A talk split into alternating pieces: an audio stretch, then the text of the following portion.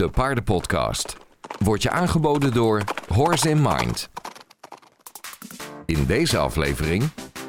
En dat betekent dus dat als een paard landt en inveert en weer terugveert, dat dat dus afhangt van hoe zijn bindweefsel in elkaar zit. En dat het ritme van het paard dus afhankelijk is van zijn bindweefsel in combinatie met zijn lichaamshouding. Dit is de Paardenpodcast. De podcast over de verbetering van paardenwelzijn. Voor een wereld vol gezonde en gelukkige paarden.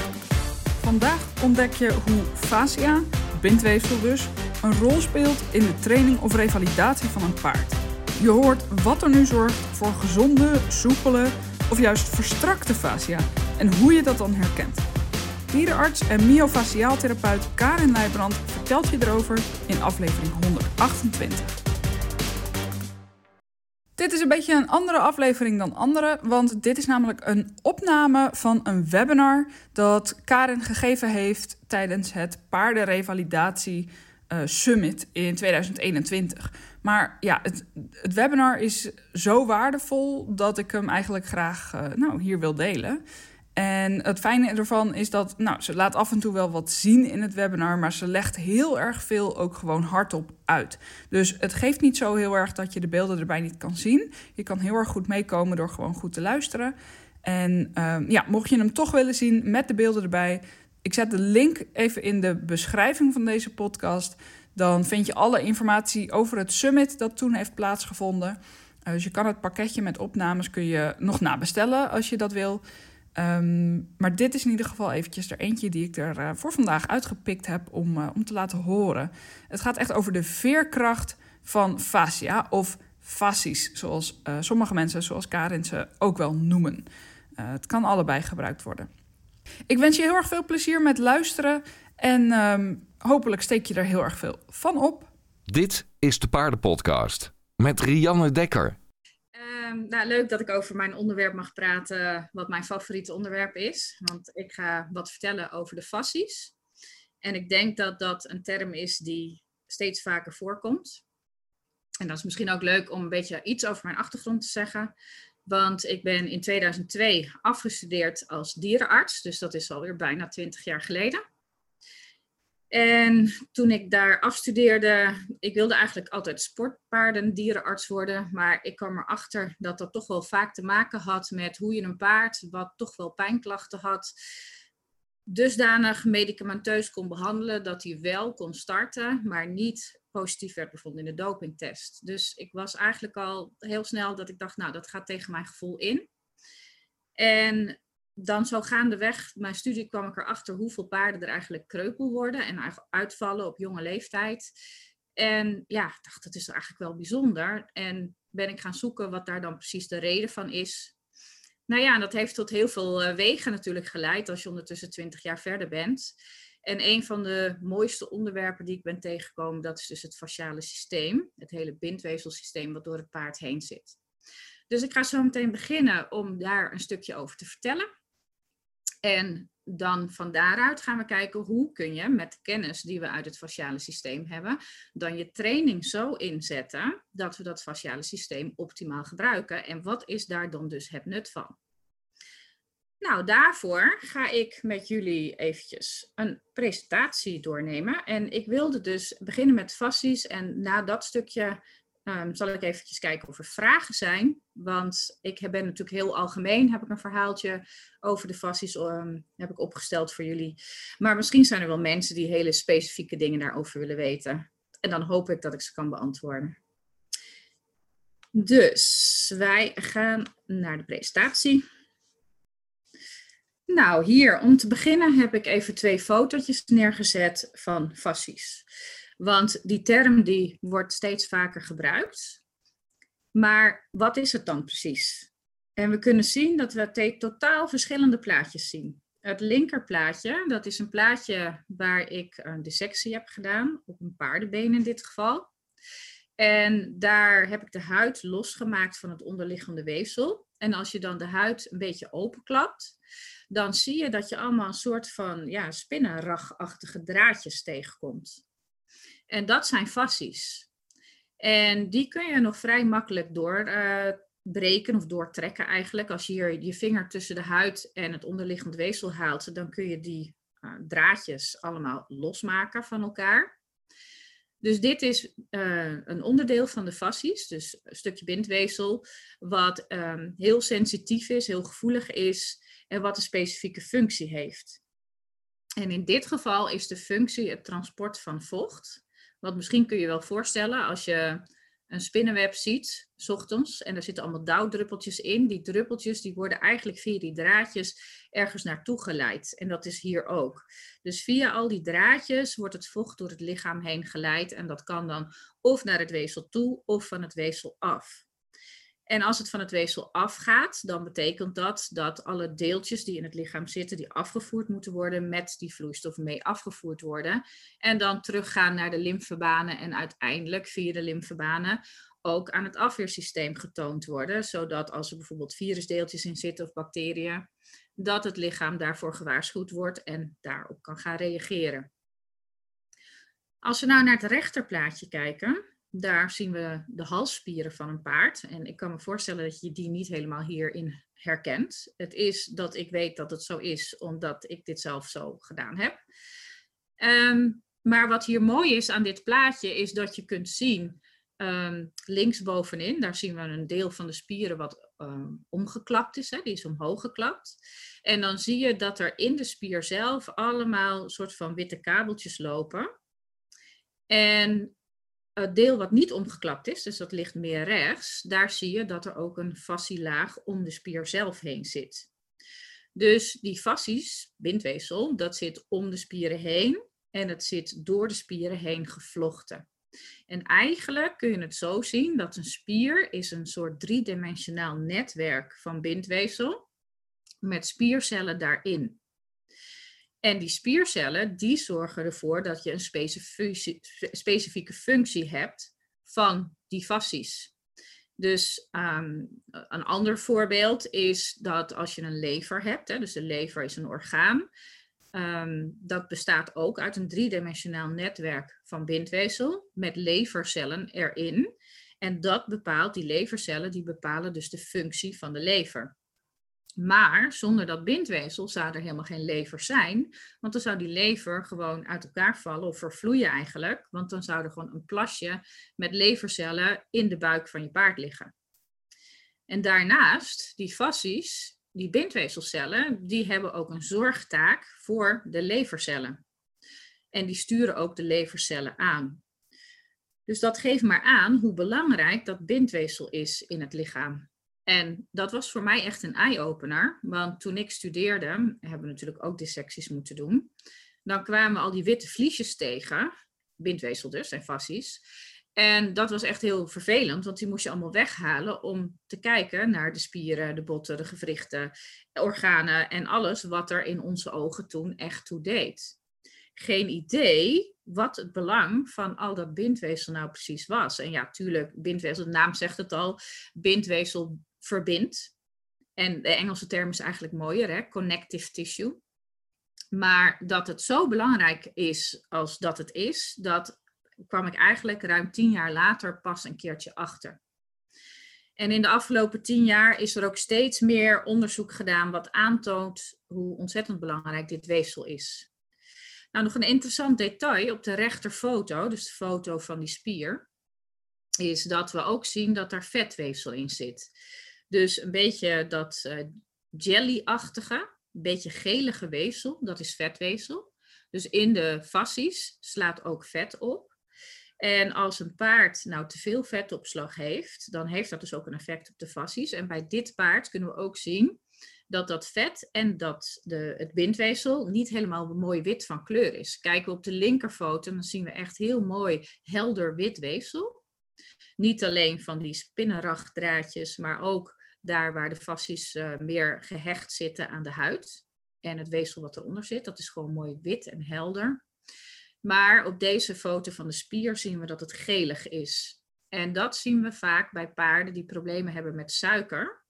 Dus die uh, gevoelig zijn voor suiker, daardoor vet opslaan, wel of niet zichtbaar, want het is niet altijd zichtbaar, afhankelijk van waar ze het opslaan.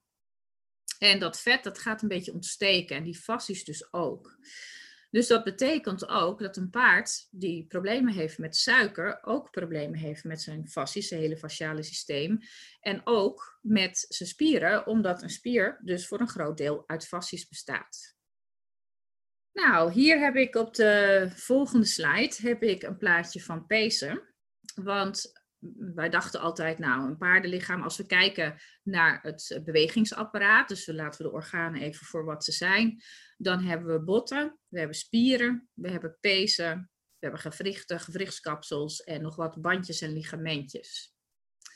En dat zijn losse onderdelen. Maar nu we wat verder zijn met het fasciale systeem, nou zie je dus ook dat die pezen, dat is ook gewoon datzelfde witte weefsel. Dus ook gewoon bindweefsel. En een pees, die loopt in de meeste gevallen uit, uh, vanuit een spier. Dus dat driedimensionale web van bindweefsel, wat in de spier loopt, dat loopt door in een pees. Dus dat betekent ook dat als er een probleem is met de spier of de fascies in de spier, dat dat ook een effect heeft op de pezen. En dat betekent dus ook dat wij pezen niet los kunnen zien van de rest van het systeem. En dan wordt het nog interessanter, want door het lichaam van het paard lopen twaalf fasciale banen. En ik ga ze niet langs lopen hoor, want dan uh, zijn we een paar dagen verder. En die fasciale banen, die verbinden dus het hele paard van voor naar achter, van beneden naar boven met elkaar. En dat betekent dus ook dat als we bijvoorbeeld naar het voorbeen kijken, dat er een lijn is die ervoor zorgt dat het voorbeen naar voren geplaatst kan worden. En een lijn die, er naar voor, die ervoor zorgt dat het voorbeen naar achteren geplaatst kan worden. En dat betekent dus ook dat spieren ook niet op zichzelf staan, maar dat die spieren via dat fasciale systeem ook weer verbonden zijn met elkaar via bepaalde banen. En als we dan één baan bijvoorbeeld als voorbeeld nemen, dat is dan de ruglijn van het paard. Die begint op het voorhoofd en die gaat dan via de diepe halsspieren door naar de rug. Helemaal over de rug heen, via de bilspieren, de hamstrings naar beneden.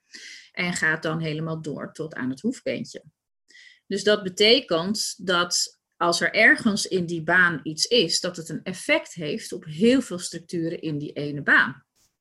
En om dat nog gekker te maken, zijn al die banen ook weer met elkaar verbonden. Dus dat betekent dat als er in baan 3 een probleem is, dat het ook een effect kan hebben op baan 5 of 6. Dus het is heel interessant om te weten wat die banen doen, omdat sommige banen zijn met name voor stabiliteit van het lichaam, voor lichaamshouding, en sommige banen zijn meer voor beweging. En dan hangt het er ook weer af welke baan voor welke beweging. Dus hebben we het over de extremiteiten of hebben we het over de zijdelingse buiging in de rug bijvoorbeeld. Nou, dat um, alles maakt het dus heel interessant. Want dan kunnen we, als we ergens een, een restrictie hebben, dus als ergens in dat fasciale systeem iets beperkt is, dan kunnen we zien dat dat of een beperking geeft in de correcte lichaamshouding van het paard, dat het paard geen goede houding meer aan kan nemen. Of het paard kan niet op een correcte manier bewegen. En daar kunnen dus zelfs hele duidelijke kreupelheden uit naar voren komen, die dus verder vaak niet geïdentificeerd kunnen worden maar die puur ontstaan vanuit het fasciale systeem wat vastzit. Alleen, als dat fasciale systeem natuurlijk een hele tijd vast heeft gezeten, dan moet het paard gaan compenseren. En dat heeft natuurlijk wel weer een effect op gewrichten en pezen. Dus op termijn krijg je dan wel degelijk problemen die te vinden zijn op röntgenfoto of op echo. Nou, hier um, heb ik even op een rijtje gezet. En ik ga er niet op alles uh, heel diep in, want uh, dat is ook een heel verhaal. En hoe dieper je in fascies duikt, hoe interessanter ze worden. Maar het fasciale systeem, dat heeft met name de taak om te verbinden. Dus het hele lichaam van het paard is verbonden van neus tot en met staart. Maar ook vanaf de oppervlakte, dus vanuit de huid naar de organen. En dat is ook meteen interessant om te weten dat als die organen, die zitten namelijk ook in die fasciale banen, die zijn daarin betrokken, die zijn daarin opgenomen. Dat als er dus ergens, en dat, dat is dan de buikbaan, de ventrale baan noemen ze dat. Als daar natuurlijk problemen in zitten, dat dat een effect kan hebben op de organen. Maar als een paard last heeft van een orgaan, dat het dus ook het effect kan hebben op het bewegingsapparaat. Nou kun je je voorstellen dat als een paard buikpijn heeft, dat hij dan ook niet lekker wil bewegen. Want als hij dan zijn buikspieren moet aanspannen, dan komt er meer druk op de buikorganen en dat vindt hij niet prettig. Dus dat geeft een verstoring van het bewegingspatroon, maar ook van de lichaamshouding. Maar het kan dus nog veel directer zijn dat als een orgaan niet lekker functioneert en pijnlijk is, dat de fascies om dat orgaan heen verstrakken en dus ook een direct effect hebben op de baan waarin die organen zich bevinden. Dus het verbindende aspect is heel erg groot van het fasciale systeem. Nou, water transporteren, daar hebben we het al even over gehad, dat ze vocht uh, transporteren door het lichaam. Want niet alle cellen, alle weefseldelen zitten direct aan een bloedvat verbonden. Dus heel veel van de voeding en de zuurstofuitwisseling moet uiteindelijk via vloeistof gebeuren. Dan een ander belangrijk punt is dat er in het fasciale systeem, dus in de bindweefsels, daar bevinden zich ontzettend veel zenuwuiteinden. En dat zorgt er ook voor dat als dat weefsel onder rek komt te staan, dat die zenuwuiteinden geïrriteerd raken en overprikkeld raken, waardoor je dus um, een grote pijnsensatie kan krijgen. En tegenwoordig, er is heel lang gezocht, bij mensen onder andere, naar zenuwpijn, waar dat nou precies vandaan komt. En waarom er zenuwpijn, sprake van zenuwpijn kan zijn, als er niet echt iets gevonden kan worden. En een deel van het antwoord ligt dus in het fasciale systeem. Als dat onder spanning staat, dan gaan die zenuwen geïrriteerd raken en dan krijg je dus een pijnprikkel die heel erg heftig kan zijn. Nou ja, nou kunnen we een paard natuurlijk niet vragen hoe dat voor hem of haar is, maar ik denk wel, onze lichamen functioneren echt heel erg hetzelfde. In ieder geval in dit uh, opzicht. Dat we er wel van uit kunnen gaan dat een paard dat ook kan voelen. En dat is ook weer individu afhankelijk. Dan zitten er in de fascies de proprioceptie. En proprioceptie is het zintuig waarmee je kan bepalen waar je jezelf in de ruimte bevindt. Dus ik denk dat je wel um, allemaal wel eens meegemaakt hebt dat je van de trap afloopt en dat je de laatste tree mist. En dat je dan dus veel verder op de grond landt dan dat je dacht. En als jouw proprioceptie goed werkt en jouw reflexen ook, dan voel je dat en corrigeer jezelf meteen. Nou, dat is natuurlijk een hele belangrijke, want als een paard loopt en de bodem is een beetje ongelijk, dan voelt hij hoe hij zijn voet plaatst en hoe zijn lichaam daarop moet reageren. En als hij struikelt, hoe hij dat dan moet opvangen met de rest van zijn lichaam. En die proprioceptie die vinden we dus in het fasciale systeem. En uh, het grappige is dat we die proprioceptie niet alleen maar in de ondervoet vinden, maar dat we die dus ook juist rond het spronggewricht vinden en rond de ellebogen. Dus dat vond ik een hele interessante om te ervaren. Dan is het fasciale systeem ook um, verantwoordelijk voor glijoppervlakken. Dus alle spieren zijn uiteindelijk met elkaar verbonden, maar sommige spiergroepen moeten over elkaar heen kunnen glijden. En dan is het juist weer handig als er een afscheiding is. Want als alles aan elkaar vastzit, dan zou je natuurlijk niet kunnen bewegen. Dus het lijkt een beetje tegenover elkaar te staan, verbinden en juist scheiden van elkaar.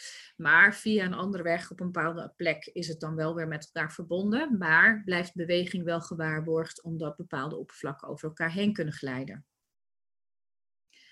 Dan is het fasciale systeem belangrijk voor het afweersysteem. Daar heb ik het net al heel even kort over gehad. Door de afvoer van vloeistof terug naar de lymfebanen en via de lymfebanen wordt het vocht wordt via de lymfeknopen doorgeleid. En die lymfeknopen die filteren alles uit wat er in die vloeistof zit. En als daar vreemde dingen in zitten, zoals bacteriën of delen van bacteriën, toxines of uh, virussen, dan gaat het lichaam daarop reageren.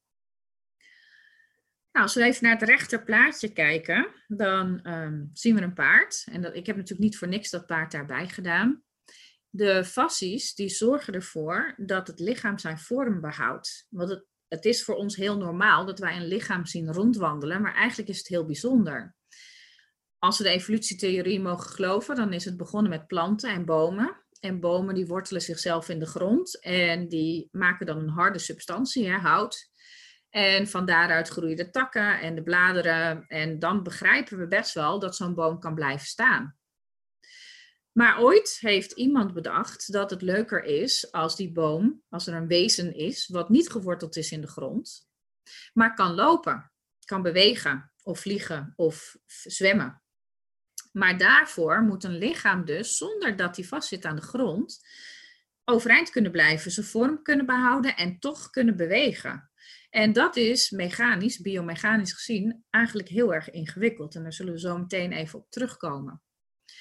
Maar daar zorgen dus de fascies voor in samenwerking met het skelet. Belangrijk is dat het lichaam dus zijn vorm aanhoudt. En als een paard beweegt of een mens beweegt, op het moment dat je landt, dan vervormt je lichaam een beetje. En op het moment dat je weer van de grond af stuitert, ga je weer terug naar je oorspronkelijke vorm.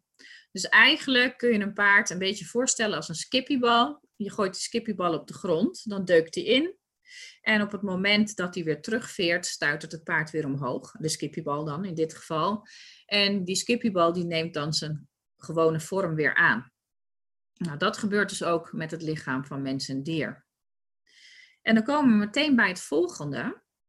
Want op het moment dat het paard op de grond komt, dan gaat hij energie opslaan doordat hij bepaalde structuren uitrekt. En als die structuren weer terugveren, dan schiet hij vanzelf van de grond af.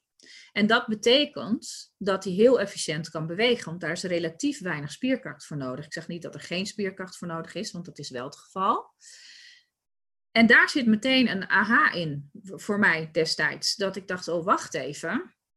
Als je dus een paard, want een van de kenmerken van de dressuur zou effortless moeten zijn. Dus moeiteloosheid, met gemak. Alles moet makkelijk eruit zien.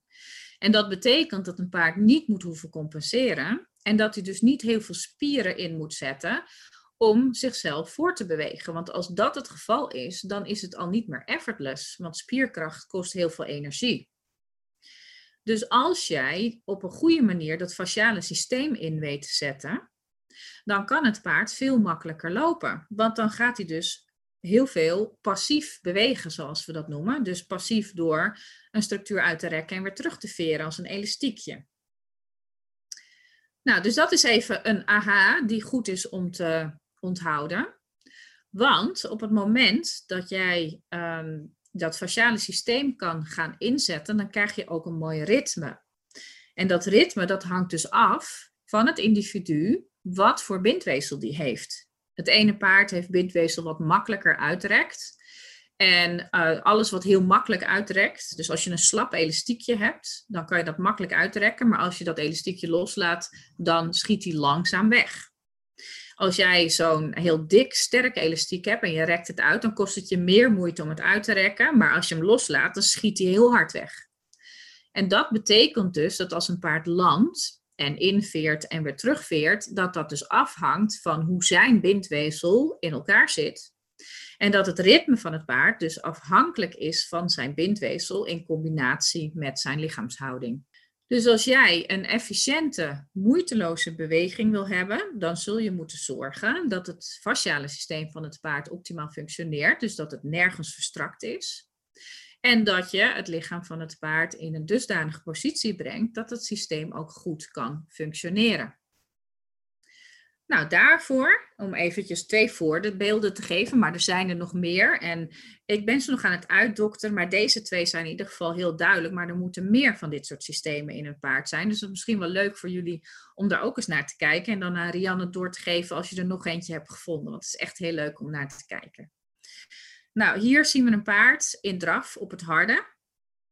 En uh, wat opvalt in ieder geval is Ehm, dat als het paard landt, dat hij door zijn kogels heen veert. Nou, dat zal voor iedereen heel duidelijk zijn. Dat zal geen nieuws zijn. Maar wat we bij dit paard wel zien, is dat er een groot verschil zit tussen het doorveren van de kogel voor en van de kogel achter. En dat is niet een normaal beeld. Normaal gesproken moet dat aardig met elkaar overeenkomen. Dus hier zien we dat de kogel van het paard, van het achterbeen, veel dichter bij de grond staat dan van het voorbeen. En hier, dit is ook een paard wat behoorlijk hypermobiel was. Dus hypermobiel betekent dat het bindweefsel te elastisch is. En dan zien we dat die kogels heel ver doorveren en niet explosief meer terugveren. Nou, dat kan ik niet laten zien aan de hand van een, uh, van een foto natuurlijk, maar dat kun je waarschijnlijk wel voorstellen als je even dat elastiekje in je hoofd neemt. Hè? Dat slappe elastiekje wat je uitrekt En wat je loslaat en dan een beetje terugflubbert in plaats van heel hard explosief terugschiet. Maar wat ehm, wel interessant is om te zien, is dat hier dus een heel stukje van die passieve energie wordt opgeslagen. Dus het paard landt, veert door zijn heen en schiet weer terug, omhoog en naar voren. En afhankelijk van de positie van de benen onder zijn lichaam, schiet hij meer naar voren of schiet hij meer omhoog.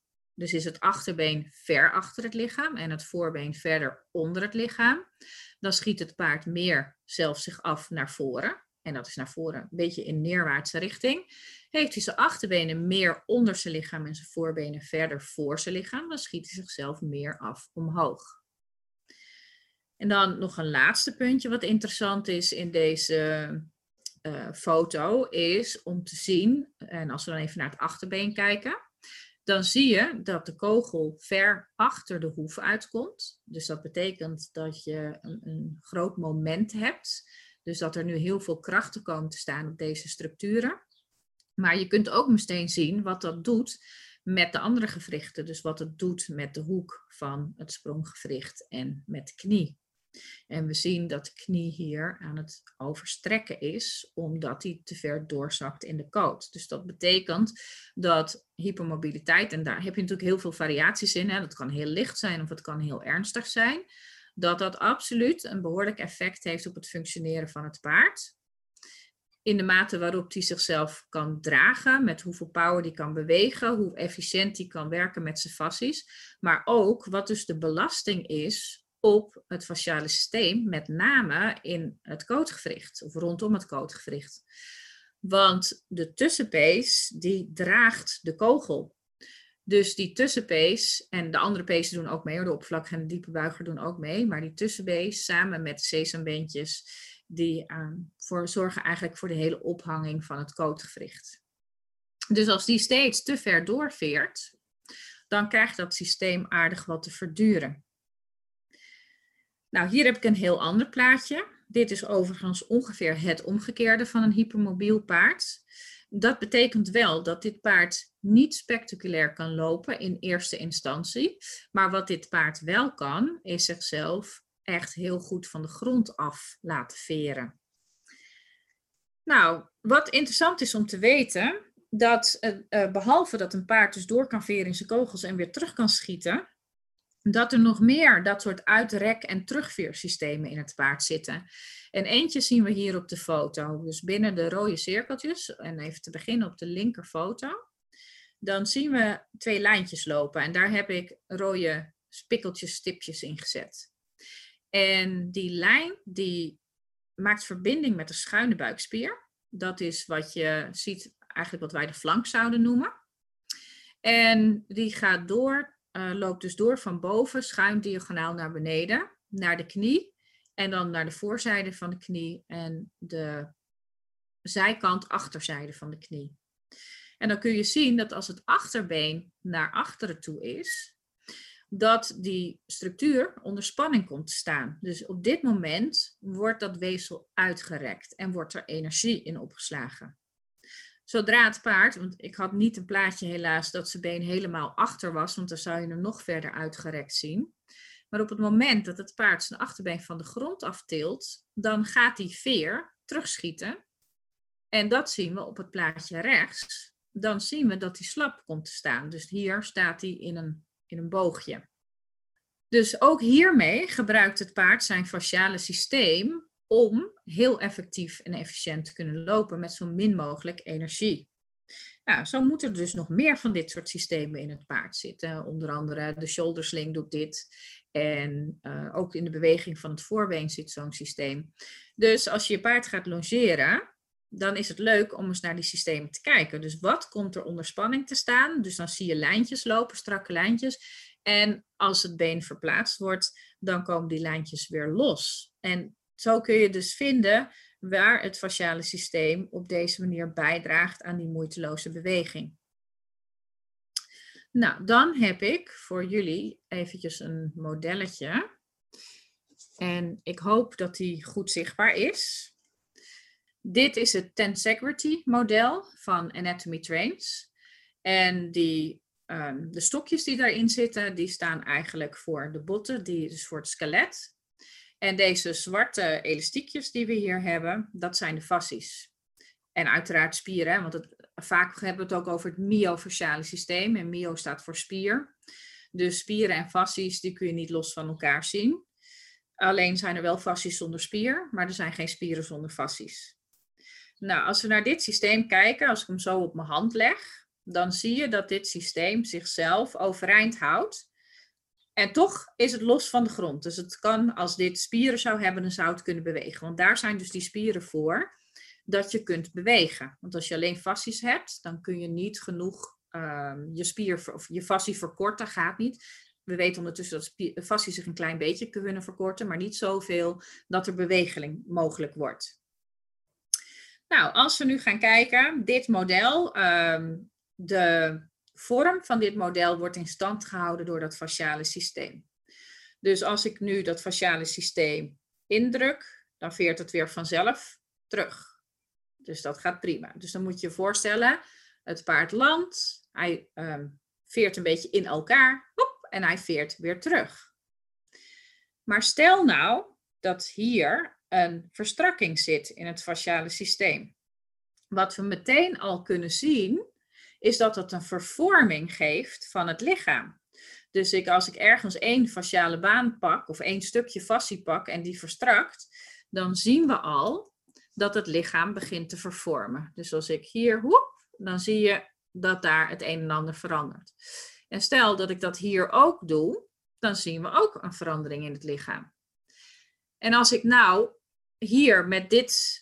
Oh, dat is een beetje lastig, ik kom de hand tekort. Ik zet hem even hier op mijn tafel. Nu kan ik niet meer lekker veren, want ik geef nu druk op dit systeem en het veert niet meer in. Dus het veert ook niet meer lekker terug. Terwijl als ik alles los heb, dan kan die gewoon woep, veren en weer terug. Nou, wat is hier nou zo belangrijk aan? Dat als er dus ergens verstrakkingen zitten in dat fasciale systeem, dat het paard niet meer lekker kan veren. En dat hij dus niet die passieve energie kan gebruiken voor zijn bewegingen. En op het moment dat er bepaalde onderdelen van het fasciale systeem verstrakt zitten, dan betekent dat dat die systemen niet meer echt lekker de, schokdemping hebben die ze zouden moeten hebben. Waardoor de structuren die, ehm, zoals gewrichten, of de aanhechtingen van pezen of spieren raken dan overbelast. Want het veert niet meer lekker. Het geeft meer een soort kedoenk in plaats van een bounce-bounce effect. En daarnaast, als bepaalde structuren te strak staan, dan betekent dat dat andere structuren te los zijn. Dus de, het, de verdeling over het lichaam van trekkrachten en van belasting wordt onevenredig. En daar kun je natuurlijk uiteindelijk allerlei secundaire problemen aan overhouden. Nou, dit was eigenlijk wat ik wat wilde vertellen over het fasciale systeem. En misschien dat er op dit moment vragen zijn. Dan ga ik vast even door naar share screen weer. Yes, dan kunnen we zo verder inderdaad met dat stuk training. Ik zag uh, tot nu toe nog geen vragen. Wel iemand die uh, de, uh, dat de functie van de verende fascia haar deed denken aan het hoefmechanisme. Ja, ja, exact. Dat is echt een supermooie opmerking. Want ehm, eigenlijk zien wij de hoeven als onderdeel van het fasciale systeem. Een hoef uh, zit natuurlijk ook heel veel bindweefsel in. En eigenlijk is dus de hoef het eerste deel van het fasciale systeem wat in aanraking komt met de grond. En um, dan is er nog een vraag uh, die denk ik, waar je ook gewoon een, een compleet webinar over zou kunnen geven. Uh, Esther vraagt, ja, en als het vast zit, hoe krijgen we dat weer los? ja, precies. Nou, daar zijn allerlei technieken voor. Eh, we weten dat er verschillende receptoren in die fascies zitten. En er zitten dus heel veel zenuwen in. En door die zenuwen te triggeren op een bepaalde manier, en nou ja, nogmaals, daar zijn verschillende technieken voor. Daardoor kunnen we dat weefsel laten samentrekken en daarna ontspannen, waardoor het loskomt. En dat kan zijn dat je het eh, los kan strijken. Maar het kan ook zijn dat je het laat vasculeren. En dat betekent dat je het laat trillen of zelfs soms met een soort van schokjes laat bewegen. En dan komt het weer los. En dat kun je met je vingers doen en dat kun je met dry needling naalden doen. Je kunt er acupunctuur voor gebruiken. En nou ja, er zijn nog veel meer technieken die je kunt inzetten daarvoor. Oké, en Dini die wil nog weten ehm, hoe ontstaan ontstekingen in het faciale systeem? Ja, nou eentje heb ik natuurlijk al genoemd. Dat is als een paard uh, last heeft van suiker. En ik vind dat altijd een beetje ingewikkeld, hè? want um, eigenlijk is een paard een dier wat onder schrale omstandigheden leeft. Dus als wij ze dan te veel suiker gaan geven, uh, heeft hij dan problemen met suiker of bezorgen wij het paard een probleem? Maar goed, um, er zijn natuurlijk paarden die gevoeliger voor suiker zijn dan anderen. En die suikeropslag in combinatie met insuline, het is eigenlijk de insuline die voor uh, sorry, ik zeg suikeropslag, maar het is dan vetopslag. En het is de insuline die te hoog wordt, die voor ontstekingen in het lichaam zorgt. En suiker verzuurt het lichaam en daardoor krijg je ook weer meer ontstekingen. Maar een andere ontstekingsvorm is als het uh, systeem chronisch overbelast is. En dat kan komen door verstrakkingen, dat kan komen door trainen in een incorrecte lichaamshouding. Ehm, maar als we jonge paarden driejarigen uit de wei halen, dan zien we ook heel vaak dat ze gecompenseerd hebben in hun lichaamshouding en dat er bepaalde dingen verstrakt zijn. Soms kan dat functioneel zijn en soms werkt het juist tegen je. Dus ik denk dat dat de belangrijkste zijn. En daarnaast hebben we natuurlijk genetische afwijkingen in het bindweefsel die voor allerlei problemen kunnen zorgen. Oké, dankjewel. Dat zijn de vragen tot nu toe. Okidoki. Nou, dan gaan we verder, want het is natuurlijk leuk om te weten ehm, wat, we, wat het fasciale systeem is en dat we dat kunnen inzetten om op een efficiënte manier te bewegen. En hier heb ik dus als dierenarts en als revalidatiedierenarts en trainer heel veel antwoorden gevonden voor het revalideren van paarden. Door dat fasciale systeem los te maken, te zorgen dat het goed kan functioneren, dat de krachten evenredig verdeeld raken Ehm, maar als ik dan natuurlijk alles losgemaakt had, dat wil natuurlijk niet zeggen dat het paard dan ook een correcte lichaamshouding en een correct bewegingspatroon gaat aannemen. Dus daar hebben we de training weer voor nodig. Dus als wij een paard, of we hem nou willen revalideren, of dat we hem willen omscholen, of dat we hem gewoon willen gaan scholen. De eerste, een van de eerste dingen die we nodig hebben om dat systeem goed te laten functioneren, dat is gezonde fassies. En die gezonde fasties, die krijgen we dus door ervoor te zorgen dat we losmaken wat vastzit en alles weer een beetje balanceren. Maar daar heeft ook voeding mee te maken. Zoals ik al gezegd had, met name suikers hebben daar een negatief effect op. Maar ook de kwaliteit van de voeding. Want uiteindelijk is het weefsel van een paard, maar ook van ons, gemaakt van de voeding die wij in zijn of haar lichaam stoppen. En dat betekent dat dat van goede kwaliteit moet zijn, zodat hij ook een goede kwaliteit weefsel kan aanmaken. En dat betekent dat wij ook goed moeten kijken naar bepaalde mineralen, vitamines ehm, en dat een paard een gezonde darmflora heeft. Nou, als dat systeem dan um, goed genoeg is, hè, en het is niet zo dat als je een paard losmaakt, dat je iedere millimeter van een paard los kan maken. Dus dat moet je zeker gaan ondersteunen op een andere manier. Dat betekent dat we een paard een goede lichaamshouding moeten gaan leren aannemen. En die lichaamshouding, die, um, die moeten we gaan trainen. En een goede lichaamshouding, die zorgt ook weer voor het verbeteren van uh, de functie van het bewegingsapparaat. Dus dat een paard beter gaat bewegen. En een goede ritmische beweging maakt ook weer fassies los. Dus het is altijd de combinatie zorgen, behandelen van het fasciale systeem in combinatie met training op een goede lichaamshouding, zodat hij op een goede manier zijn fasciale systeem gaat belasten, maar ook op een goede manier het gaat trainen en sterker gaat maken. Dus wij gingen eigenlijk altijd uit dat als we een paard gingen trainen, dat je dan met name de spieren traint. Maar nu blijkt dat het fasciale systeem zich ook gaat aanpassen. De spieren kunnen dikker worden doordat ze meer eiwitten ehm, gaan op, nou ja, niet opslaan, meer eiwit gaan inbouwen in de spier. En daardoor kunnen ze krachtiger worden. Maar die spieren, die kun je maar voor een korte periode inzetten, want die worden moe. En dat fasciale systeem kun je heel lang inzetten. Want ja, dat rekt en dat veert. En dat betekent dat dat fasciale systeem ook moet gaan wennen aan een bepaalde functie. En hoe het lichaam dat doet, is uiteraard door te trainen en te bewegen. Want die beweging zorgt voor een elektrisch signaal door dat bindweefsel heen in de richting van de belasting. En dat elektrische signaal zorgt ervoor dat de cellen die het bindweefsel afbreken, worden geremd, waardoor de cellen die het bindweefsel opbouwen, dat die actiever, relatief actiever zijn.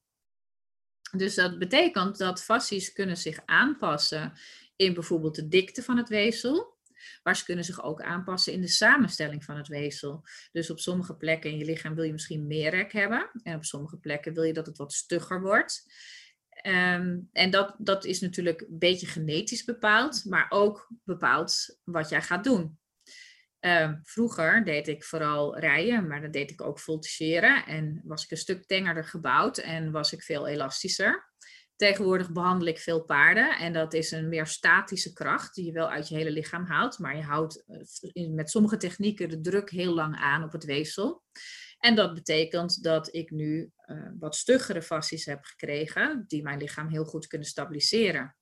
Ja, hetzelfde geldt natuurlijk voor een paard. En uiteraard wil je daar wel een balans in hebben. Als wij een paard gaan trainen, dan moeten we dus kijken naar een goede lichaamshouding. En ook naar de balans van het paard. En die houden natuurlijk uh, direct verband met elkaar.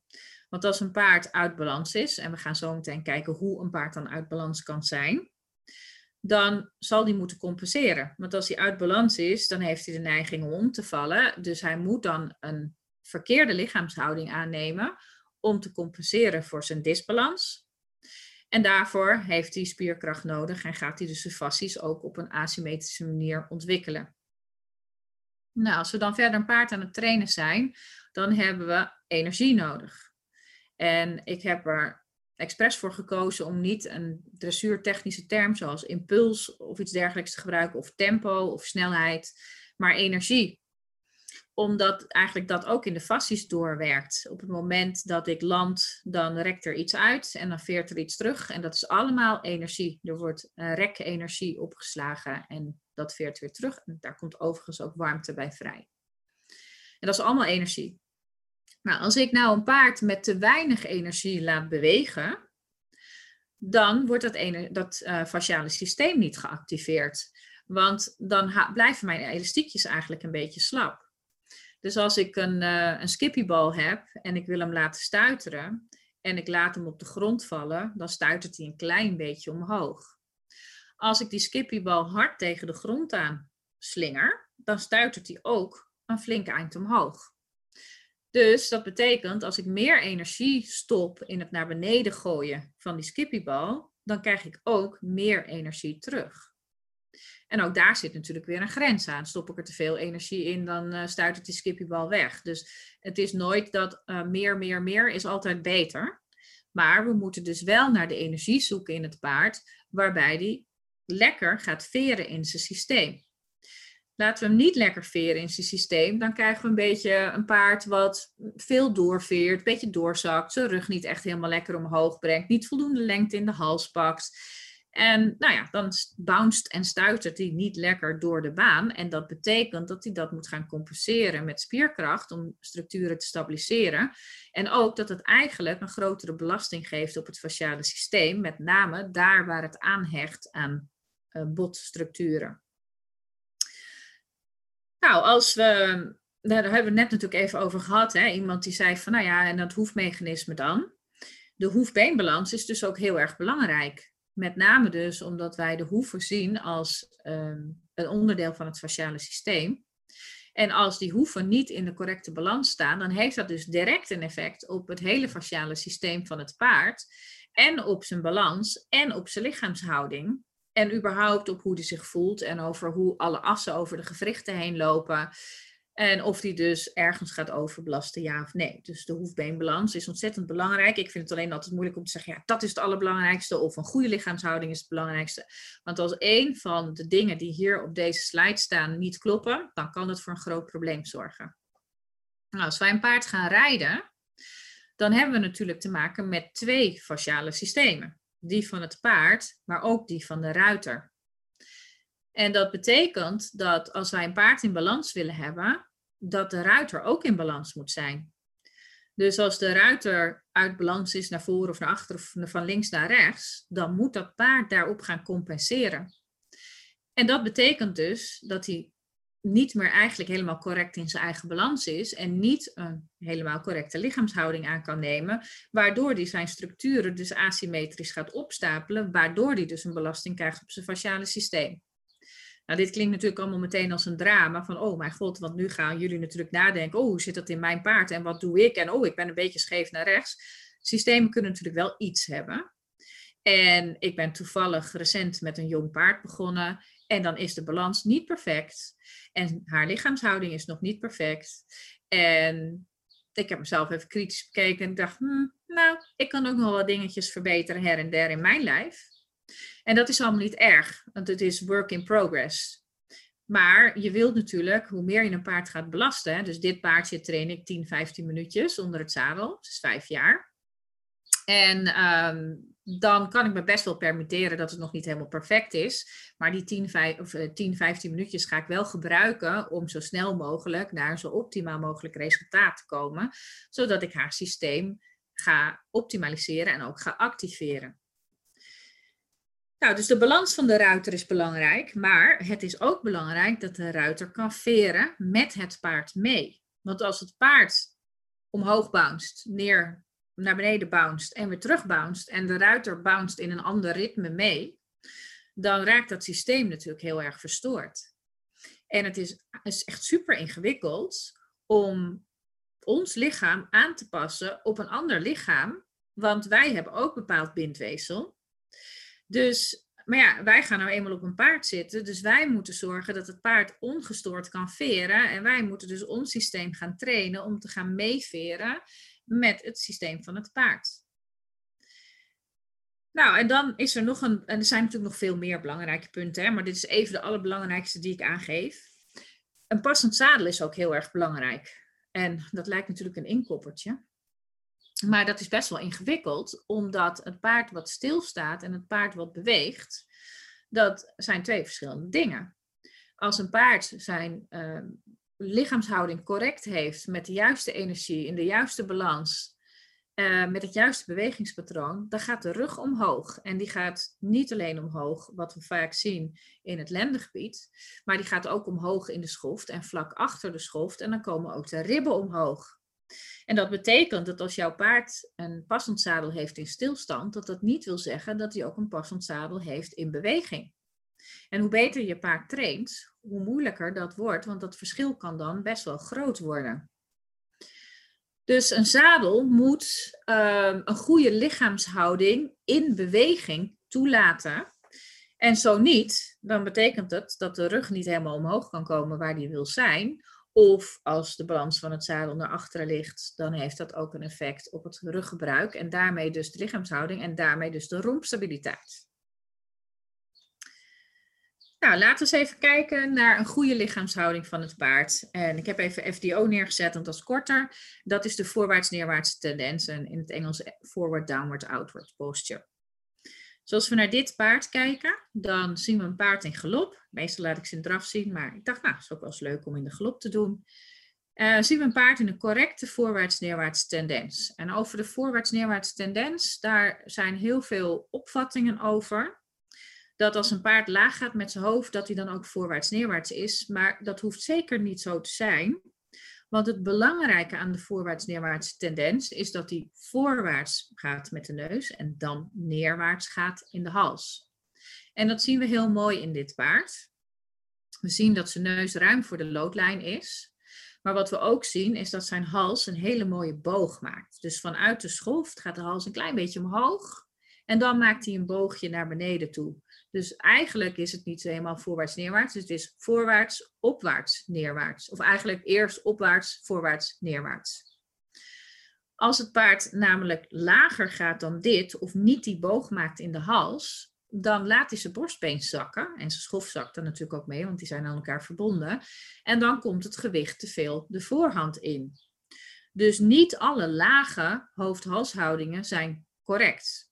Of misschien op een bepaald moment wel correct, maar um, niet correct voor een voorwaarts-neerwaarts tendens. Dus bijvoorbeeld hals strekken Daarbij wordt de hals veel rechter, maar het hoofd wordt zo laag dat toch het gewicht naar voren toe gaat. Nou, dat hoeft helemaal niet erg te zijn voor eventjes. Dat kan een paard hartstikke fijn vinden om even lekker zijn hals te kunnen strekken. Maar het is niet een trainingshouding voor een lange tijd, omdat het de voorhand overbelast.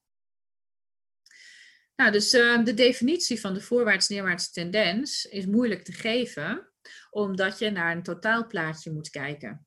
Dus bij dit paard zien we dat de schoft mooi omhoog gekomen is, dat die hals dus eerst een beetje omhoog gaat, dan in een boogje naar voren toe gaat. En we zien dat direct achter de schoft de rug ook omhoog is gekomen. Dus dit paard heeft een nagenoeg rechte rug.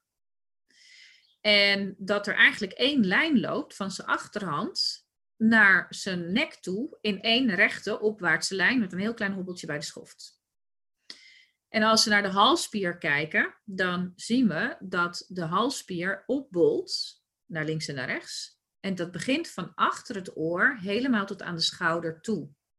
Dus dit is de manier om de hals correct te trainen. Want als we een paard achter de loodlijn rijden, dan gaat de spier achter het oor opbollen, maar die richting het gedeelte richting het schouderblad valt dan weg. En dan gaan we een paard ook met een onderhals trainen. Nou, hier zien we dat het borstbeen mooi omhoog is. En voor mij is de voorwaarts-neerwaartse tendens dus gedefinieerd als de afstand tussen de kin en de borst. Die moet lang zijn, dat is de lengte in de hals. En hier zien we ook dat het oog ongeveer op heuphoogte is als we de diagonale lijn pakken waarin dit paard beweegt. Hè, want hij springt omhoog.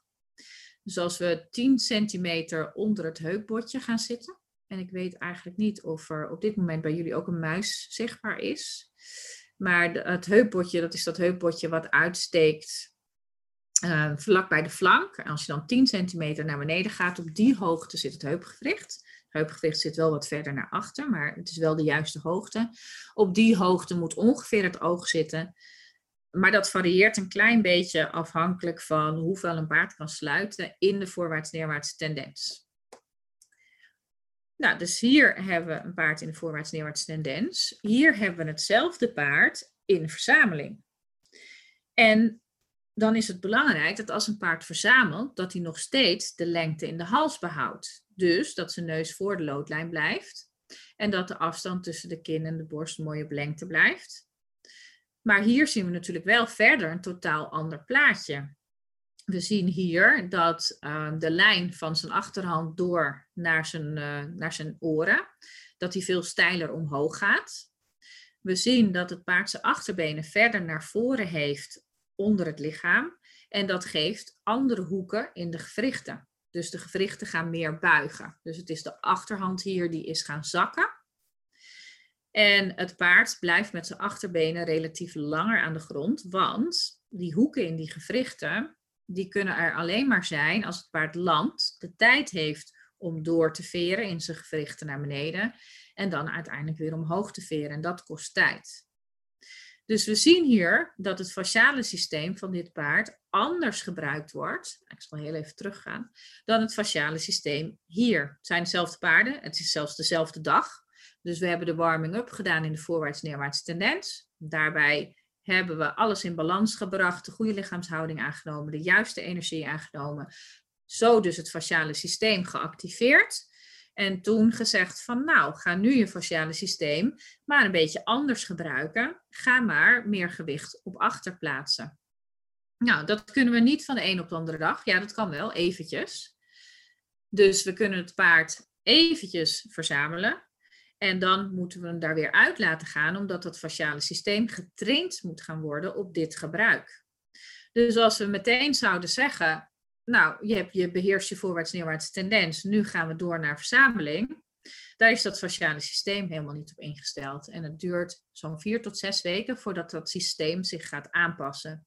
En wat ik altijd heel leuk vind in de training, dan eh, breng je een paard naar een stukje verzameling. En oh, dan vinden ze het zwaar. Vaak vinden ze het wel grappig, want het geeft hun meer controle over hun eigen lichaam. En ze vinden wel cool om nieuwe dingen in hun lichaam te ontdekken. Um, vooral hè, als het iets positiefs oplevert. En dus, nou ja, de eerste vier tot zes weken ben je dan bezig met ze. En dan vinden ze het moeilijk, moeilijk. En dan houden ze het maar heel even vol. En in één keer is het er. Net alsof het systeem zich dan aangepast heeft en dan is het in één keer moeiteloos voor ze. En dan weet je op het moment dat ze aangeeft, nou, dit kan ik echt met gemak, dan weet je dat je of voor het, de verzameling wat langer aan kan houden, of dat je de verzameling wat kan gaan vergroten. En daarmee kun je ook spelen. Je kunt zeggen van oké, we hebben de voorwaarts-neerwaartse tendens. We gaan nu door naar heel veel verzameling, heel kort. Of we gaan door naar iets meer verzameling voor een wat langere tijd. Dus in je training is het goed om daarmee te wisselen, zodat je het systeem op verschillende manieren belast, maar niet overbelast. Hier heb ik dan nog een plaatje onder het zadel. Ook even mooi ter vergelijk. Hier hebben we weer die voorwaarts-neerwaarts tendens. We zien uh, dat schoft van het paard hoger is dan zijn achterhand. We zien weer die boog in die hals ontstaan. Neus voor de loodlijn, dus de afstand tussen de kin en de borst is hier mooi lang. En wat je ook hier heel mooi kan zien, is dat de basis van de hals zich dan verbreedt. Dus van schoft tot aan borstbeen gezien, krijgt hij heel veel hals. En als je dit paard zou zien zonder dat hij getraind wordt, dan zou je denken dat hij een beetje meer een soort bezemsteeltje als hals heeft. En ik mag dat zeggen, want het is mijn eigen paard. Maar dan zie je wat er gebeurt in de training. Dus wil jij de hals van je paard trainen, dan is die lengte in de hals heel erg belangrijk. Hier hebben we hetzelfde paard, iets meer in verzameling. En dan zie je ook heel duidelijk dat hij aan de longeerlijn, zonder mij erop, al veel meer verzameling kan pakken. Want dit is zijn maximale verzameling die in de draf kan doen. Maar hier zien we nog steeds neus voor de loodlijn. Hij is wat minder voor de loodlijn, want dat mag. Hè? Want de onderlijn is meer aan het sluiten. Dus dat betekent dat hij meer een balletje van zichzelf maakt. En dat betekent dat zijn ruglijn ronder wordt. En dan mag hij dus wat meer richting de loodlijn gaan. Maar we zien nog steeds de neus voor de loodlijn. En dus zien we nog steeds lengte in de hals. En we zien nog steeds dat hij, nou, hij heeft natuurlijk nu nog wat meer boog gemaakt in de hals. En wat we ook zien is dat we hier gewoon, ondanks dat het paard verzameld is, nog steeds een lichte aanleuning zien.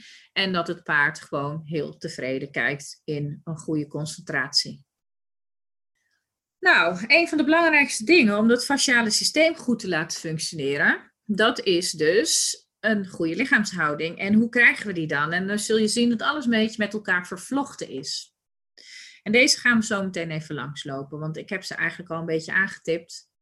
Dus dat gaat over verticaal evenwicht, horizontaal evenwicht, energie, de ruiter in balans en de geef van de hand. Dus we gaan even beginnen met het verticaal evenwicht. Op het linkerplaatje zien we een paard wat verticaal in evenwicht is, wat dus betekent dat zijn romp midden tussen zijn schouderbladen staat. Zijn voorbenen staan in dit geval nagenoeg recht naar beneden. En zijn borstbeen staat dus ook rechtop. En zijn borstbeen en zijn schoft, die maken nu dus dezelfde hoek met de grond. Als we naar het rechterplaatje kijken, daar zien we een paard die op zijn rechterschouder valt. En dan zien we meteen wat dat doet met het borstbeen en de schoft. Dus de schoft die kantelt, in dit geval voor, vanuit het paard gezien naar rechts, en gaat daarmee ook naar beneden. Dus hij kantelt naar rechts en hij gaat naar beneden. En dat betekent dat als het paard verticaal uit evenwicht is, dat hij ook horizontaal uit evenwicht is. En wat horizontaal precies is, daar komen we zo op terug. Maar dat betekent dus dat hij ook meer gewicht op de voorhand verplaatst. Wat we dus ook kunnen zien is dat ze benen niet helemaal meer een rechte hoek maken met de grond, wat dus een andere belasting op de gewrichten geeft. Um, en het paard draagt dus letterlijk meer gewicht op het rechtervoorbeen dan op het linkervoorbeen. En hier zou het dus in mijn terminologie gaan over een linksgebogen paard wat zijn gewicht op rechtsvoor heeft. En wat ook interessant is om te zien, als we kijken naar het bovenste pijltje, daar zien we de schouders. En als een paard dus op deze manier beweegt of staat, dan gaan in dat gebied de schouderspieren zich ook meer ontwikkelen en de fascies dus ook, om die krachten daarop te kunnen vangen. Als we nu even kijken wat er gebeurt in een paard, wat verticaal uit balans is, van bovenaf gezien. En dat heb ik even een beetje moeten nabootsen in dit paard. En uiteraard ging het sneeuwen. Dan zien we dat Ehm, de diagonaal van het rechterachterbeen naar het linkervoorbeen toe langer is dan van het linkerachterbeen naar het rechtervoorbeen.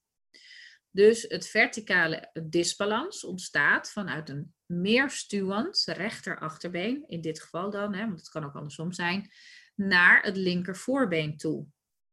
En hier kun je ook duidelijk een asymmetrie zien tussen de linker en de rechter schouder. En we zien ook dat de linkerheup lager staat dan de rechterheup.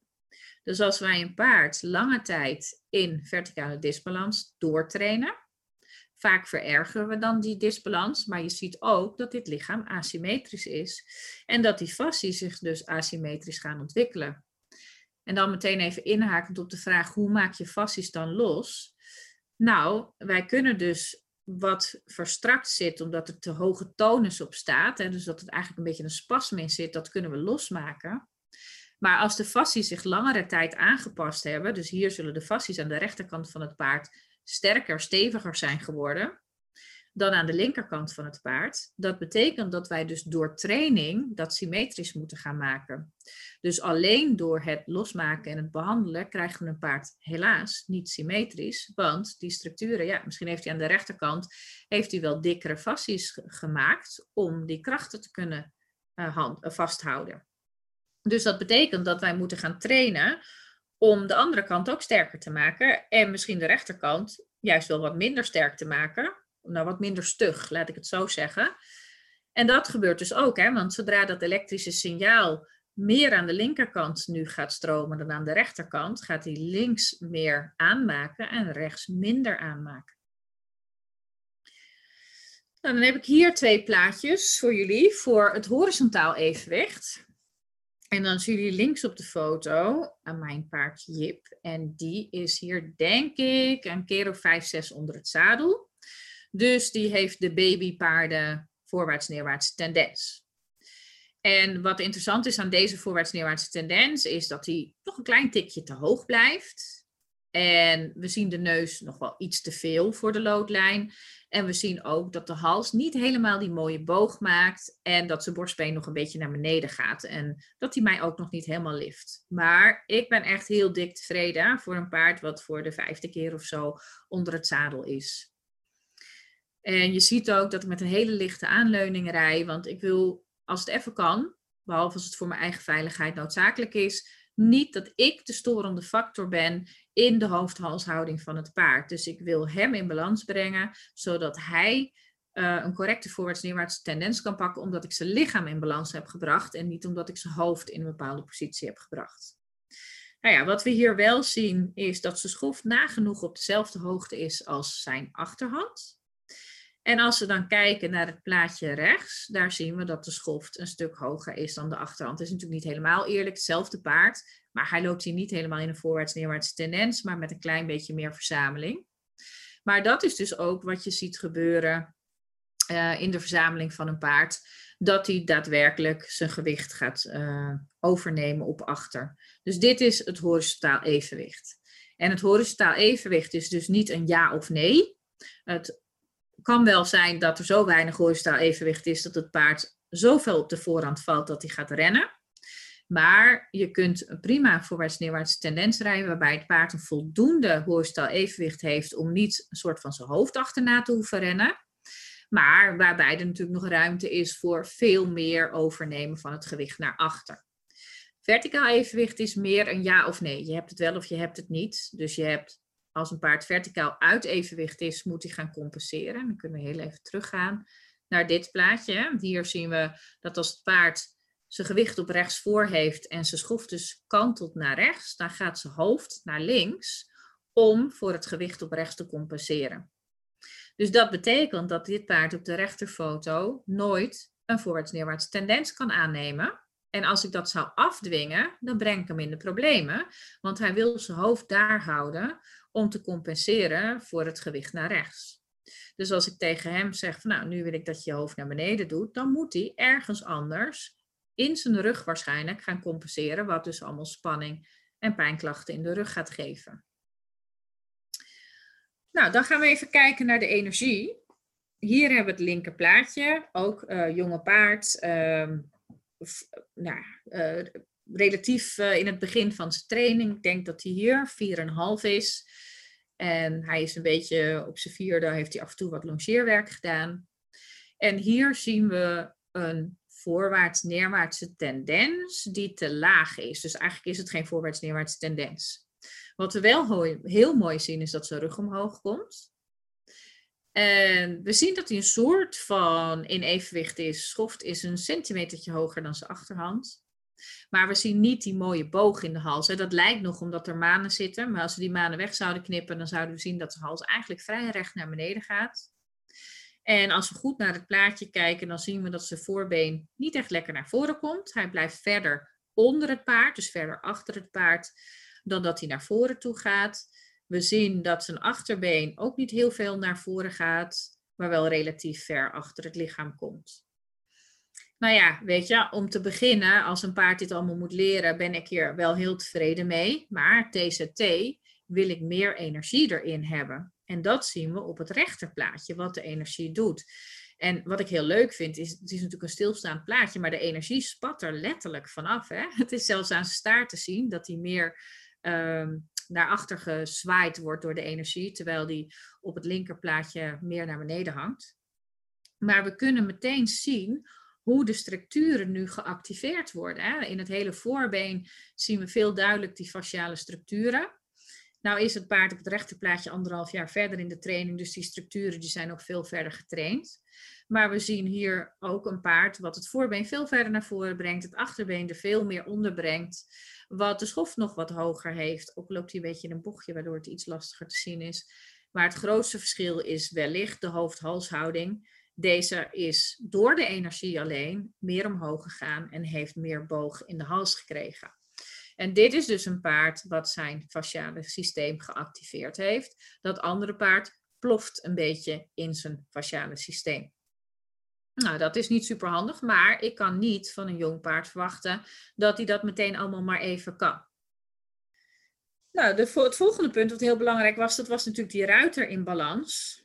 En daarvoor heb ik hier twee plaatjes boven elkaar gezet. En dan zien we op het bovenste plaatje, daar zien we dat de onderrug van de ruiter, die is mooi recht. En je ziet hele mooie hoeken in, de, in het lichaam van de ruiter, waardoor zij haar zwaartepunt mooi in het centrum van het paard legt. Nou, dan wordt er altijd gezegd, ja, maar ze zit een beetje voorover. Maar als je een beetje voorover zit, wil niet zeggen, dus in verlichte zit zit, wil niet zeggen dat je gewicht ook naar voren plaatst. Dat hangt namelijk vanaf waar je je billen houdt. Dus als jij rechtop op je paard zit en je doet dan je bovenlichaam naar voren, ja, dan keeper je naar voren. Maar doe je billen wat verder naar achter en dan doe je bovenlichaam wat naar voren. Dat betekent dat je hoeken in je lichaam maakt. Je maakt een hoek in je heup, een hoek in je knie. En dat kunnen we hier op dit plaatje niet zien, maar straks op een ander plaatje ook een hoek in je enkel. Alles wat recht is, kan niet veren. Alles wat hoeken heeft in je lichaam, kan wel veren. Dus dat was in de klassieke dressuur eigenlijk ook heel, de normaalste zaak van de wereld. Dat noemen ze dan remonte zit. Dat is een soort van dressuurzit in verlichte zit. Dus niet zo kort als dat je verlichte zit doet met springen. Ehm, maar wel dus licht zitten in, met wat langere beugels. Um, waardoor je dus kon gaan veren. En ook de druk niet alleen op je zitbeentjes hebt, maar op de hele binnenkant van je bovenbeen krijgt, waardoor je dus een betere drukverdeling over de rug van het paard krijgt, waardoor die makkelijker jou als ruiter omhoog kan duwen. En dan zien we op het onderste plaatje zien we een Amazone die haar rug hol heeft. Dan zien we wat er met de wervelkolom gebeurt. En dan kun je je ook juist voorstellen dat als de rug hol is, dan gaat het gewicht juist naar voren toe richting de schoft, waardoor het moeilijker wordt voor het paard om zijn schoft te liften. En dat is waar het begint. Hè? Verticaal evenwicht, dan zetten we de schoft rechtop, dus dan gaat hij de schoft liften. En als hij dan zijn borstspieren en zijn rompspieren activeert, dan lift hij de schoft nog een beetje meer. En vanaf daar kan hij gaan zakken in de achterhand. Nou, en voor die vering, om de vering te trainen, kunnen we niet. Nou, een holle rug veert trouwens ook niet. En als je een holle rug maakt, dan blokkeer je ook je heupgewricht.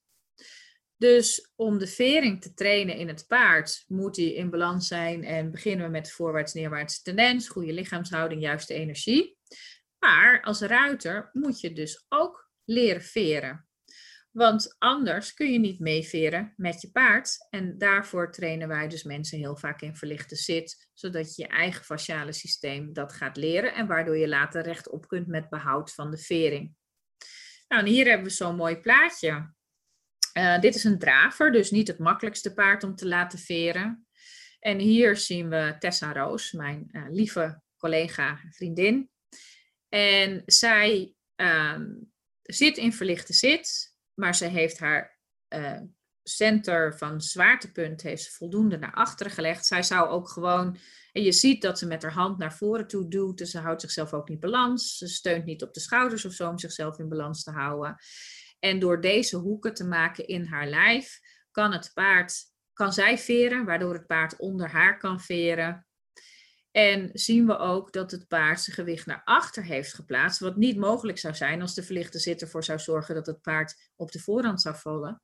Want we zien dat het achterbeen, het linker achterbeen, eerder aan de grond gaat komen dan het buitenvoorbeen. En dat betekent dus dat die meer gewicht op achter draagt. En dus niet de voorhand invalt. Dat is gewoon biomechanisch onmogelijk.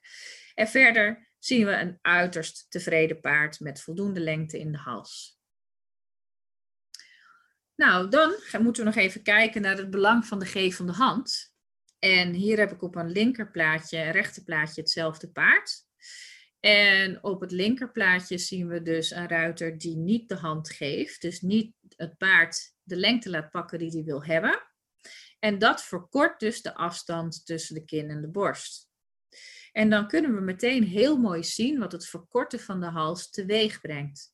Want we zien dat de rug hol wordt. Daar waar de ruiter zit, zit een holte. En dan bij de lendenen komt hij wel weer omhoog. Het gewicht van het paard gaat naar voren toe. En we zien dan ook dat dit paard op zijn linker voorbeen staat. De rest is al van de grond, maar zijn linker voorbeen staat nog aan de grond. Het linker voorbeen staat heel ver onder het lichaam. Dus dat betekent dat er heel veel gewicht op de voorbenen komt. En het rechter voorbeen, dat is ook heel interessant. Want je kunt voetjes nog zo mooi bekappen. Maar kijk eens waar dit paard gaat landen. Dus door deze manier van bewegen gaat hij niet op een correcte manier zijn voet landen, want hij overstrekt op een hele rare manier zijn voet en komt dus te ver achter op de voet terecht. En nou ja, verder zien we dat het achterbeen achter het lichaam blijft. En als we goed kijken naar de gezichtsuitdrukking van het paard, zien we dat hij zijn mond open doet. Hij probeert eigenlijk zelf de lengte in de hals wat te vergroten door zijn onderkaak dan wel dicht bij eh, zijn borst te houden maar zijn neus wat verder ervan af. Maar ja, dat gaat natuurlijk maar over een paar centimeter. En we zien allemaal strakke lijntjes in zijn hals. We zien veel spieren vlak achter zijn oren, maar we zien dat zijn spieren afvlakken vlak voor de schouder. En heel veel lijntjes in zijn onderhals. Dus op deze manier train je een onderhals. Op het rechterplaatje daar zien we dat de ruiter de hand van zich afduwt, of tenminste het paard van zich afduwt. Hè. Dus de ene is een trekkende hand en het rechterplaatje is een duwende hand, waarbij het wel belangrijk is dat je met verbinding kunt rijden. Dus een goede verbinding is een verbinding die het paard toelaat om daar te zijn, maar met zijn hoofd waar hij maar wil, dat je hem niet in de weg zit. Maar dat je wel een verbinding hebt waarmee je kunt communiceren. En ook daar zijn weer allerlei gradaties in. Nou, hier zien we dus ook uh, de ruiter in verlichte zit zitten. Wat we wel kunnen zien is dat haar onderbeen iets te ver naar achteren ligt, waardoor ze een klein beetje de neiging heeft om wel wat gewicht naar voren te plaatsen. Dus haar onderbeen zou iets meer naar voren toe moeten. Je ziet ook dat ze compenseert door haar rug iets te bol te maken daarvoor. En verder zien we weer alle mooie kenmerken in van dit paard, uh, van de correcte voorwaarts-neerwaarts tendens. En wat mooi is om te zien dat de hoek van de schouder van dit paard dezelfde hoek is als met grond, als de neus van dit paard, dus van zijn hoofd. Want het voorbeen, als dat verder naar voren gaat, kan de neus verder naar voren en andersom. Dus als de neus van het paard naar voren gaat, kan het voorbeen naar voren. Maar het is het schouderblad wat bepaalt hoe ver het voorbeen uiteindelijk naar voren kan. Nou, hier heb ik nog even een fotootje van de hoefbeenbalans. We zien op het linkerplaatje een paard wat aardig correct is in wat ik noem de horizontale balans. Dus dat is eigenlijk de, het voetje van de zijkant gezien. Daar heb ik een lijn getekend door het midden van het kootgewricht heen. En die lijn die raakt dan net de hiel aan. En we kunnen ook zien dat dit paard in staat is om zijn voorbenen recht onder zich te zetten. En het borstbeen is mooi omhoog. Op het rechterplaatje zien we een paard, wat, wat, het is nog niet eens extreem, maar hij is een beetje ondergeschoven in de hielen en een beetje te lang in de toon. Maar dat zorgt er wel voor, als ik nu het onderste rode lijntje, als ik dat midden door het kootgewricht laat gaan, dan zie je dat dat lijntje niet meer de hiel van het paard aanraakt. En dat betekent dus dat er veel meer kracht komt te staan op dat hele ophangsysteem van de kogel.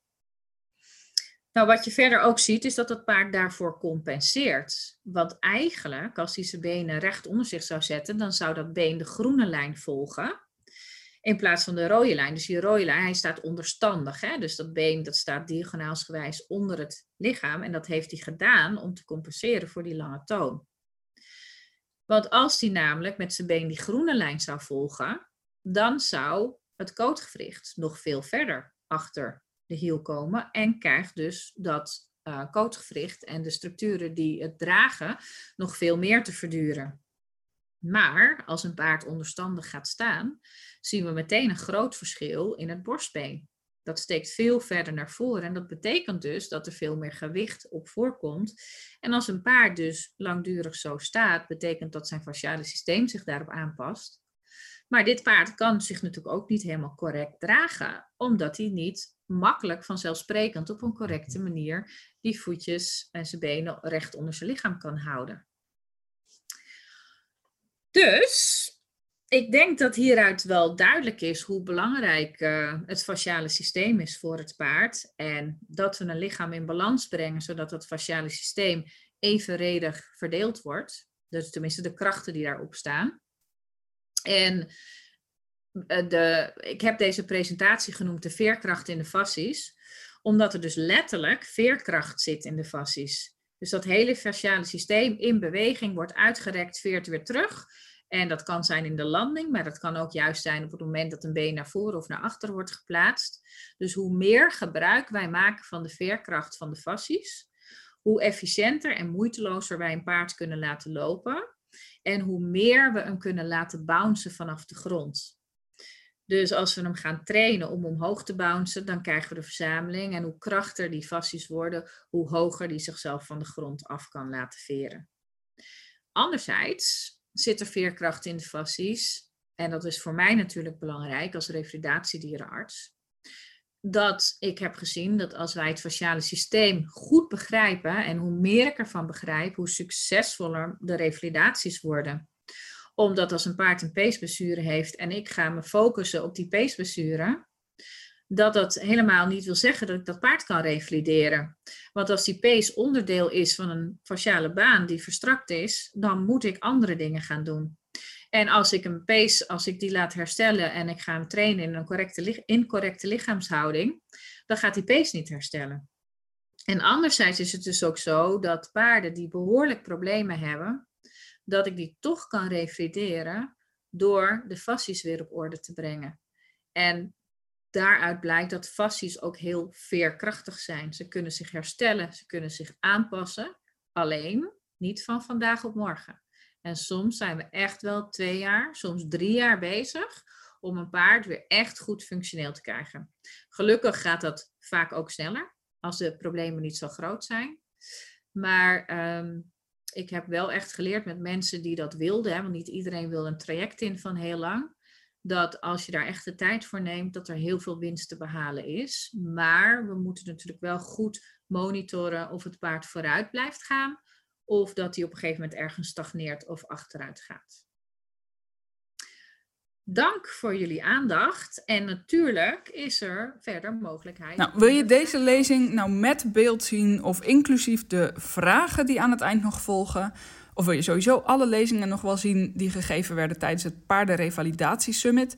Dan kun je dus nog het hele, uh, het complete pakket met opnames bestellen. Met onder andere ook lezingen van Lisbeth Jorna, Tamara Dorrestein, Jantine Steehouder en van mijzelf. En zijn allemaal gericht op alle facetten van revalidatie van een paard. De link die staat in de beschrijving van de podcast. Uh, ik hoop dat deze podcast weer waardevol voor je was. Ik hoor graag wat je ervan vindt natuurlijk via de socials of via de mail. En dan uh, zie ik je de volgende keer weer in de volgende aflevering van de Paardenpodcast. Vond je deze podcast interessant? Dan zou ik het heel leuk vinden als je mijn handje wil helpen om nog meer paardeneigenaren te inspireren. Kun je bijvoorbeeld doen door deze podcast te delen op social media. En wat ik ook tof zou vinden is als je een recensie zou willen schrijven. Dat kan via jouw podcast-app of via het kopje recensies op de Facebookpagina van Horse Mind. Dankjewel en tot de volgende keer.